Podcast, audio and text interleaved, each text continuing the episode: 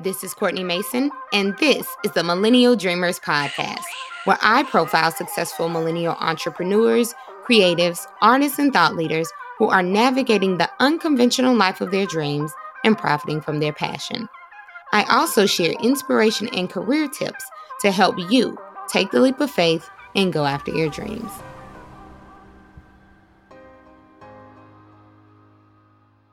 Hey, hey, friend. Do me a solid and stretch your arms out because I'm stretching mine out right back to you so I can give you a virtual hug. Because, woo, I mean, since the last time I came to you, the world has shaken up quite a bit. And while we have all been adjusting to our new normal of like being inside and being indoors constantly, I've been right with you trying to adjust and figure things out as best I can as well. So I have taken a step back to get clear on what I wanted to say. I know a lot of people, you know, have taken this time to jump on sharing messages online on their podcasts. A lot of people are doing lives, sending emails, all sorts of things. But before I did that, I wanted to sit back, get still, and figure out what I wanted to say before the rush to just create a bunch of content. Um, and the influx of that came upon me. I didn't want to, to succumb to that because I want to make sure that what I say is authentic and it's from the heart and it's something that's helpful to you or at least just makes you laugh. So that's the first thing. But before I get into the topic of today, I want to say thank you. Thank you to every essential worker who has to step outside of their safety, um, of the safety of their home to do their jobs every day.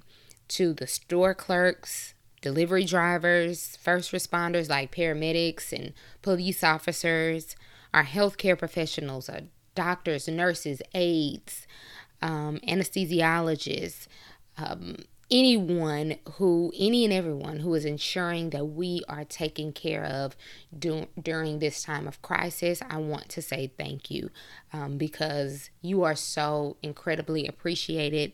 And I'm praying that every time you leave your home, that you come back safe and healthy, and your family stays safe and healthy, and you can have that security of knowing that you are covered um, every time you leave and return to your home. So I wanted to first just say that before getting started. So now, for us who are home and navigating life on the inside, how can we put ourselves in the best position to come out of this quarantine better than how we started? And it might not look or sound like what you think I might say, right? So I have just four things to share with you that I think will help you come out on the other side of this better than when it all began. The first thing, stop trying to be productive. I know that's something you didn't think I would say, but that is the very first thing. Stop trying to be productive and give yourself grace right? I checked on one of my aunts because I've been just checking on my friends and loved ones. And um, one of my aunts, she told me that she was having a particularly hard time working from home and being at home because she works in the community. And she said it's killing her not being able to help other people and be out um, outside and doing different things. And she said she has not done anything around her house that she said she was going to do. Like three weeks ago, she had this idea of she wanted to do something around her house, whether it was, you know, deep clean or um, redecorate or organize, and all the things that she said she wanted to do. She has not achieved one single thing. But she has spent some time on Amazon and she learned that Amazon Prime has yoga for seniors. So now she gets up and at least once or twice a day she does yoga. And she said, Well, at least I have lost 10 pounds since this all began. And I had to stop and I tell her, like, I really hope that you see how amazing that is because you've arguably done the more important thing, even though what you, you know, in your mind, what you wanted to do to quote unquote be productive and make the most of the time at home, you've still done something that's going to benefit you in the long run even more so than than organizing your home. You've taken an opportunity something that was now you did, may not have she may not even known that that was available had this quarantine not been in effect and she was looking for things to do to stay active she may not have even known that that was an option. And now she's developed what could possibly become a habit of hers to do yoga, which not only allows you to get physically fit, but it's meditation. So it eases the anxiety, it eases the stress that you may have going on, which a lot of that is happening right now because these are unprecedented times. So I just wanted to to highlight that for her to say, you know, it's great that you want to do something around your house and to be quite honest you likely will have the time to do it because we we ain't going nowhere to be you know in my broken english right there. We we are not going anywhere for the foreseeable future until they really get a handle on this thing and figure it out. So there's time to do that but you have still done something great by you know just seeing something that you wanted to do in terms of physical fitness and you've lost 10 pounds and you're getting, you know, your sanity back. So I just wanted to make sh- note of that because um, right now is there's this feeling like we have to just be productive. And even in the best of times, it's hard to be productive. And we are not in the best of times right now. We are in a global pandemic. We're going through a global pandemic and it's uncharted territory for many, many of us, and we're just trying to make the best of it. And this is also particularly true for millennials because we, a lot of us, we feel like we have to optimize every free moment that we have. Like if we're exercising, we should probably be listening to an audiobook at the same time. If we're cooking a meal, we should probably be catching up on one of our information podcasts that has several episodes that we, you know, haven't listened to yet. If we're cleaning up the house, we should be doing something like there's always this need to do multiple things at a time. Like, why can't you just cook a meal, a great meal, while talking to your your partner, your spouse, as they sit at the kitchen table and watch you or help you? Um, why not just relax and read a book. Why not just go on that walk around the track or around your neighborhood and listen to the birds chirping and like the sounds of the wind and um, just maybe cars going by if you you know people are still driving and have to to go to a job still if you're able to just get outside and and feel the sunlight and feel um, all those different things. Do that. Like cherish that. It's okay not to be on all the time. And now we since we have this time at home it there's a lot of messaging. The internet is rushing us to like make the most of the time. Like you should be doing things. You should be doing things. And i don't disagree with that. And i'm also trying to do some things but it's not necessary to always be on and to always be working. This work culture that we have in our brains that every single moment has to be consumed with productivity, and it doesn't. So that's the first thing. Stop trying to be productive and give yourself grace because folks are stressed. You know, if we're fortunate enough, we're at home.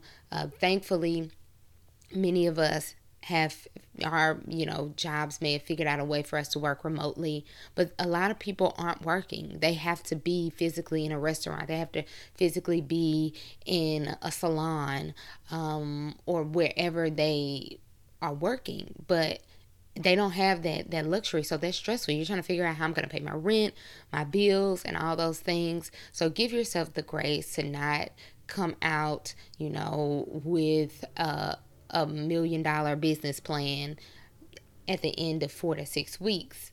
You know, if, if you've gotten clarity on a business idea and you're starting it, then that's good enough right now because it's it's just not necessary to be completely productive at all times just because we now have where we're forced to be at home. Um, so that's the first thing. Secondly, reconnect with friends and family we might be physically disconnected right now or physically distanced from one another, but we are socially connected. The internet and our devices, our phones, computers, laptops, all those things have have made it to where we can call our grandparents, um, we can call our friends who live in across the country. Um, you can be on the East Coast and call your friend on the West Coast and just check on them to see how they're doing. And a lot of times when we, when it's business as usual and everyone's going about their day and we aren't in this type of crisis, you might forget or lose track of time or just go about the day to day and not think to stop, slow down, and check on the people that matter most. And I think this is a prime opportunity now where everyone's at home. If you have a, a minute between one of the 15 Zoom meetings you have during the day or conference calls, to just check on one of your friends or family members that you haven't talked to in a while and say, How are you doing? Like, do you need anything? Um, because we don't know what people are battling. You know, on the outside, it may seem that everything is great, but we don't know everyone's position right now and how, how they're doing. So, the best way to do that to reconnect is to just reach out while we can. And I mean, I've had like every other day I'm having a virtual happy hour with my friends. It's like, all right, girl, at five o'clock, we're hopping on a call. And it's four or five of us, and we all have our glass of wine or whatever cocktail we want to drink. And we're just chatting, talking about anything. We might not want to talk about the news. We might just want to talk about what, you know, kids might be doing right now. What's the challenge or something crazy that either one of us have done or something that's just funny but it allows us to stay connected. So that's the second thing reconnect with family and friends during this time. The third thing, treat yourself. You know, that this kind of coincides with the whole stop trying to be productive thing. Treat yourself um, right now where you can like watch Netflix. Um, if you've are online and you see that everyone is talking about Tiger King and you're like, what the heck is that about? And I want to know if whoever this lady Carol is killed her husband. I I've not watched this. I don't know what it is, but everybody's talking about it. And at some point, I'm gonna watch it. Um, also, if I, I have so many books that I have not been able to read. Um, also, I, so many meals that I want to try, and it feels good that now I have to like get all this these groceries and we have to cook for ourselves because it's scary to always eat out or you know sometimes I definitely have been trying to patronize some of the small businesses but as I'm in New Orleans and as the cases grow we are starting to become a hotbed for it and we have so many cases you know right behind Seattle and New York and it's just becoming scary. So, with that said, I'm cooking more and I'm like, okay, I want to try this dish that I've never cooked before and never learned how to do it. I can do that now. Treat yourself to do something you want to do. And um, mainly me, I I'm a dancer, so the dance challenges, not necessarily t- TikTok challenges, but um, some of the challenges that choreographers are doing, I'm jumping on them. I've already posted two videos from classes that I've taken from, you know, my favorite choreographers. Uh, Kira Harper is my favorite choreographer right now. She offered two free classes that I was able to take. And I was like, honey, I'm doing it because, listen, I've worked during the day, did what I had to do, and come the weekend, I'm putting on my dancing shoes, and this is what's going to happen. So, that's been great. Treat yourself, whatever is going to make you feel good. If you need to pull out your nail polish and give yourself a pedicure or a manicure or something, do that, boo boo. Treat yourself so that you can feel good during, during this time. And the last thing I want to say is um, prioritize what you do want to achieve if you're in the mindset of wanting to gain something at the end of the quarantine, at the end of the four to six weeks. I definitely want to encourage that and say, you know, there's a way to do it, but prioritization will be the way to do it, right? Um, a lot of us, myself included, are motivated by the fact that we have more time. Um, you might be working every day like me, and it seems like for me, work has revved up by being by everyone being at home so it's like busy busy busy but still even with that being the case i have my wheels are turning of different things it's like this whole situation has jump started a lot of the ideas or reignited a lot of the ideas that I had before of things I wanted to do. So the same might be true for you. You might be saying, dang, I want to write that book. Now you have four weeks just sit down whenever you can, whenever you have a moment that you just want to do it or prioritizing that, then you can do that. And one way is to identify three things you would love to finish by the end of six weeks list them in order of importance to you. So, in case you're only able to achieve one, um, you're not able to get to the, the last two things, you would have done the thing that's most important to you. Um, then you take that list and create an attack plan for each one, right? So, so ask yourself, what is being offered now that I didn't have access to before?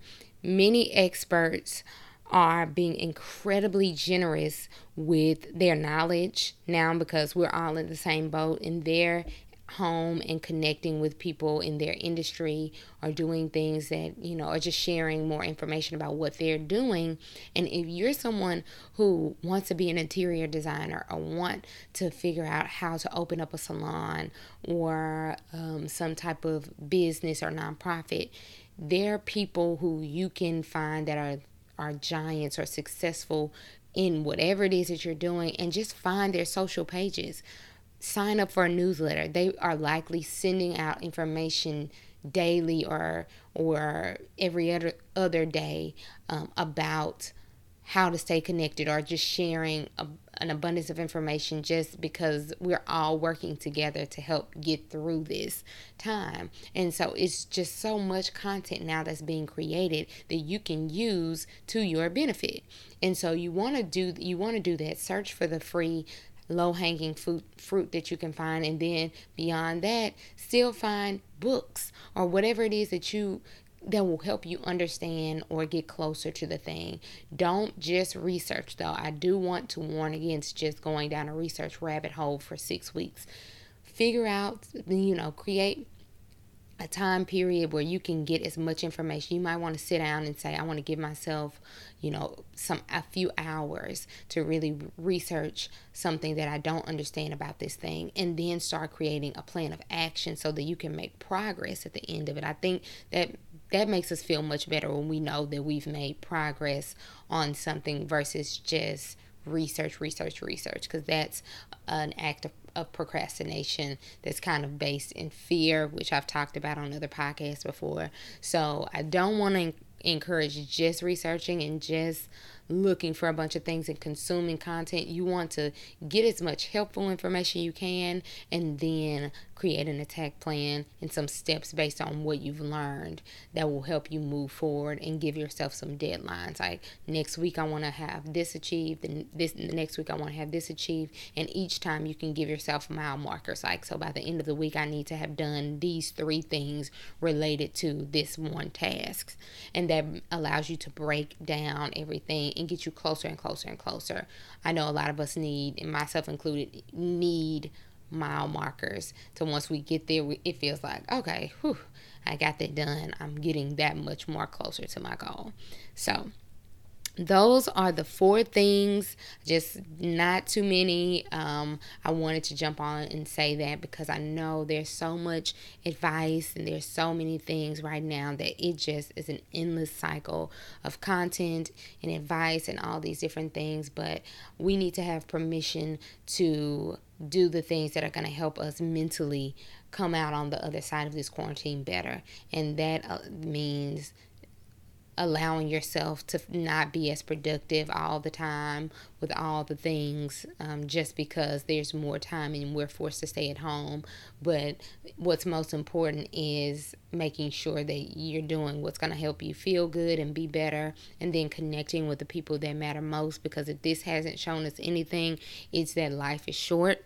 Um, we never know what will happen. Something can come through and bulldoze our life and and turn it on its head at any given point and we have no control over it. So, what we do have control over are the things that we do every day to show love and spread light um, and to just be our best selves. So, with that said, I hope you're staying safe and healthy. Stay inside as much as you can. Let's love on one another and we will get through this together. So, until next time, friend, you enjoy your time and peace out.